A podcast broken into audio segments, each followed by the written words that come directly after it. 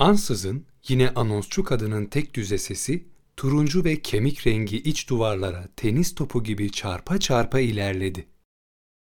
Bir sonraki durak. El Ale. Next station. El Ale. Sınava geç kalmak.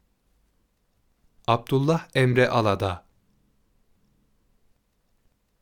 3 saatlik bölük pörçük uykusuyla metro istasyonunda bekliyordu. Henüz aydınlanmamış havaya eklenen sert rüzgar, derin siyahlıkla birlikte insanın iliğine işliyordu.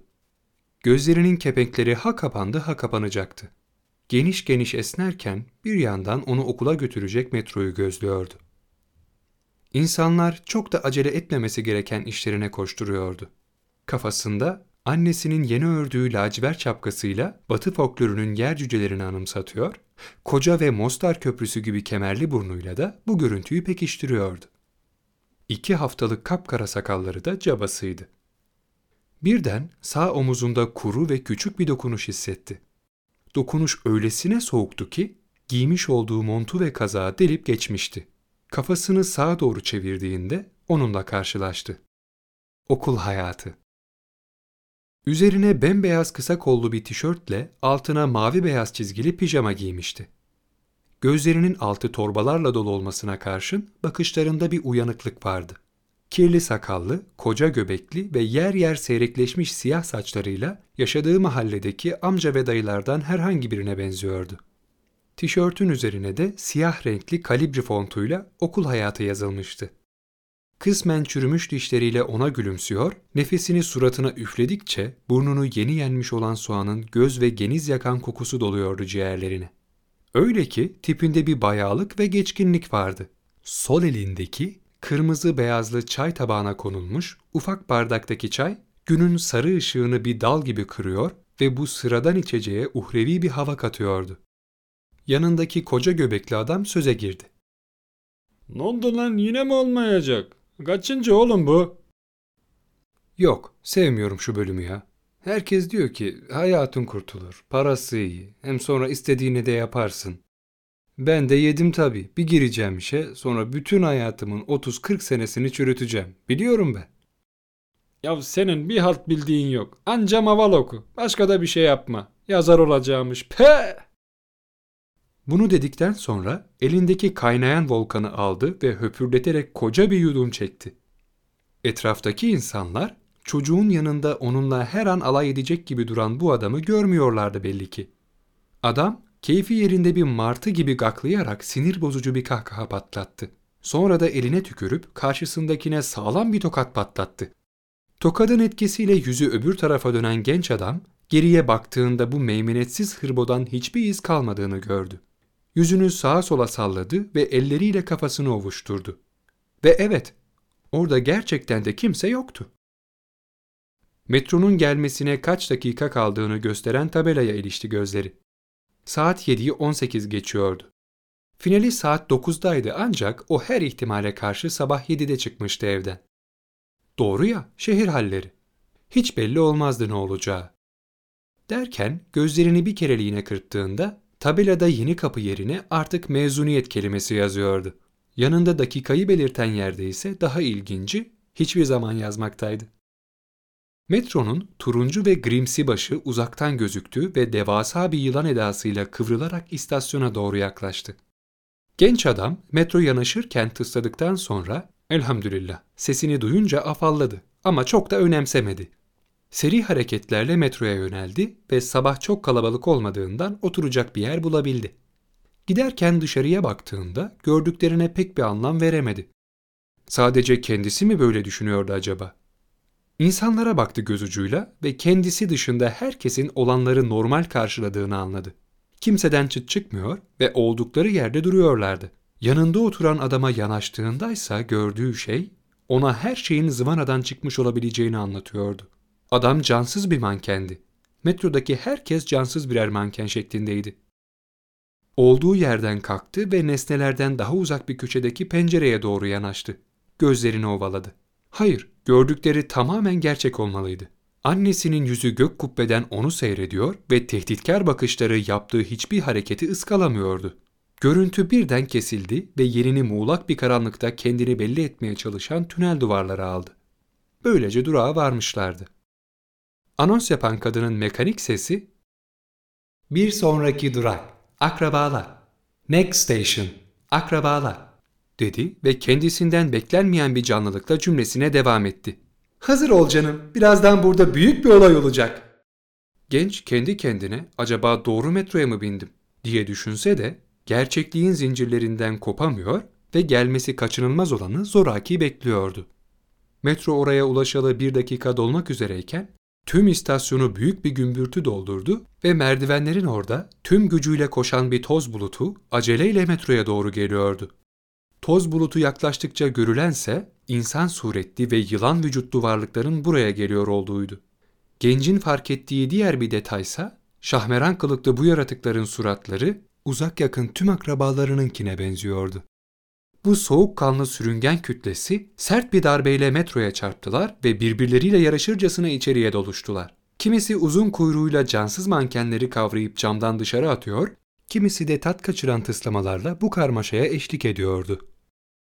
Anons yapan kadının sesi yine aynı garip canlılıkla ''Heh, geldiler işte. Bir sonraki durağa kadar sabır dilerim sana. Görüşürüz tatlım.'' Diyerek sustu ve metronun kapandığını belirten borazandan bozma ses duyuldu. Artık içeride bir sürü neydi belirsiz varlıkla beraberdi ve içerideki herkes gözlerini ona dikmiş, sinsice bakıyordu. Kah çatal dillerini dışarı çıkararak tıslıyorlar, kah kenafir gözlerini kısarak zavallıyı süzüyorlardı. Tıslamalar saniyeler sonra yerini onun ıstırabı olan sorulara ve cümlelere dönüştü. Artık, söyle bakalım ne zaman mezuniyet? Var mı hayatında bir manita falan? Ne güzel bölüm okuyorsun. Yazarlıkta para yok, para. Oğlum sen salaksın. Vallahi salaksın. Kaç sene kaldı? Yine mi uzattın? Artık bitir. Önce mezuniyetini sonra mürüvvetini görelim. Bir haltı da beceremiyorsun. Sen nasıl okumuş adamsın anlamadım. Cümleler sıklaştıkça zavallı gencin üzerine ilerliyorlardı. Her saniye daha da yaklaşıyorlar ve kötü kokan nefesleri yüzünün tamamında hissedilir oluyordu. En sonunda öyle dayanılmaz hale geldi ki yılanların altında ezilir oldu ve tek bir kelime haykırdı. Hayır! Bağırmasına devam ettiği esnada üzerindeki yükün hafiflediğini ve tıslamaların hiçliğe karıştığını fark etti. Olduğu yerde doğruldu ve etrafına şöyle bir baktı. Vagonda tek başınaydı. Oh galiba kurtuldum dedi ve derin bir nefes aldı. Boş oturaklardan birine oturup sakinleşmeye çalışırken dışarıya, göğe kaydı gözleri.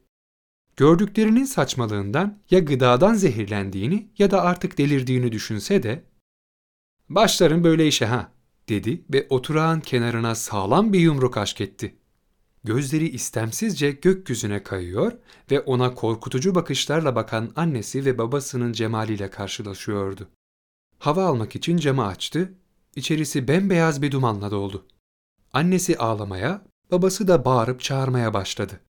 Dökülen her devasa gözyaşı kendi içinde birer tufan barındırıyor, düştüğü yerlerde tahrip edici bir etki bırakıyordu. Babası da gür sesiyle bağırdıkça kulakları çınlatan gök gürültüsü ve şimşekler silüetlerin arkasından dolanıp tüm griliği sarıyor ve insana ürpertici bir hayranlıkla korku yaşatıyordu. Metro hızla hareket etmeye devam ediyor, tıpkı bir bebeğin beşiği gibi sağa ve sola sallanıyordu. Anlaşılan o ki önlerinde bir sürü sağlı sollu virajlar vardı ve yol bir türlü düzleşmek bilmiyordu.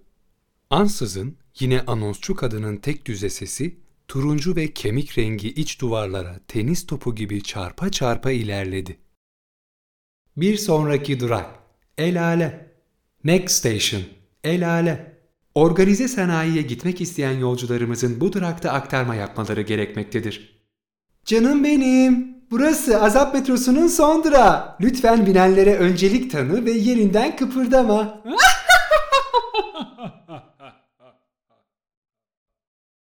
Cümlesi biter bitmez tiz ve ürkütücü kahkaha duyuldu ve her saniye pesleşerek metro seslerine karıştı ve sustu. Metro durağa vardığında her biri ellerinde onun resmini tutan ve suratı olmayan insanlar hunharca metroya doğru saldırdı. Hiç tanımadığı, daha doğrusu tanıyamadığı bu insanlar sanki dün geceden ezberlemişçesine tek bir cümleyi haykırıyor ve vagona doluşuyordu. Mezun olursan hayatın kurtulur. Bu kimliksiz toplumun müsveddeleri metroya doluştuktan sonra bir kısmı bir önceki durakta yer alan insanımsı yılanlara dönüştü ve hepsi birden üzerine doğru çullandı. En önde ve yüzünün önünde anne ve babasının yüzü vardı ve ikisi aynı şu cümleyi söyledi. Komşunun çocuğu mezun oldu. Bir sen beceremedin vasıfsız. Bu linçe yeminli güruh tüm limitlerini ve güçlerini zorlarken hiç beklemediği bir yerden kendisinin dürtüldüğünü hissetti. Sol kolundan birisi itekliyordu ve ısrarla bir şeyler anlatmaya çalışıyordu. Kulaklarını kabartmak istese, Afrika'daki yamyamlardan hallice bir ses çıkaran hilkat garibelerinden sesin ne dediği anlaşılmıyordu. Dürtmenin şiddeti artıyor, artıyor ve artıyordu. Ancak yine de sesin muğlaklık içinde olması işi iyice zorlaştırıyordu. En nihayetinde ona seslenenin ''Uyan uyan, hadi, hadi son durağa geldik'' dediğini kavrayabiliyordu. Mahmur gözleriyle şöyle bir etrafa baktı, içerisi bomboştu ve orada bulunan bir görevli ise dakikalardır genç adamı uyandırma gayretindeydi. Hele şükür kardeşim ya. Hadi in, geldin son durağa. Hmm, tamam abi eyvallah. Saatine baktı ve sınava neredeyse 15 dakika kaldığını gördü. Uyurken ilk ve son duraklar arasında defalarca kez gidip gelmişti belki. Çabucak toparlandı ve koşar adım merdivenlerden çıktı.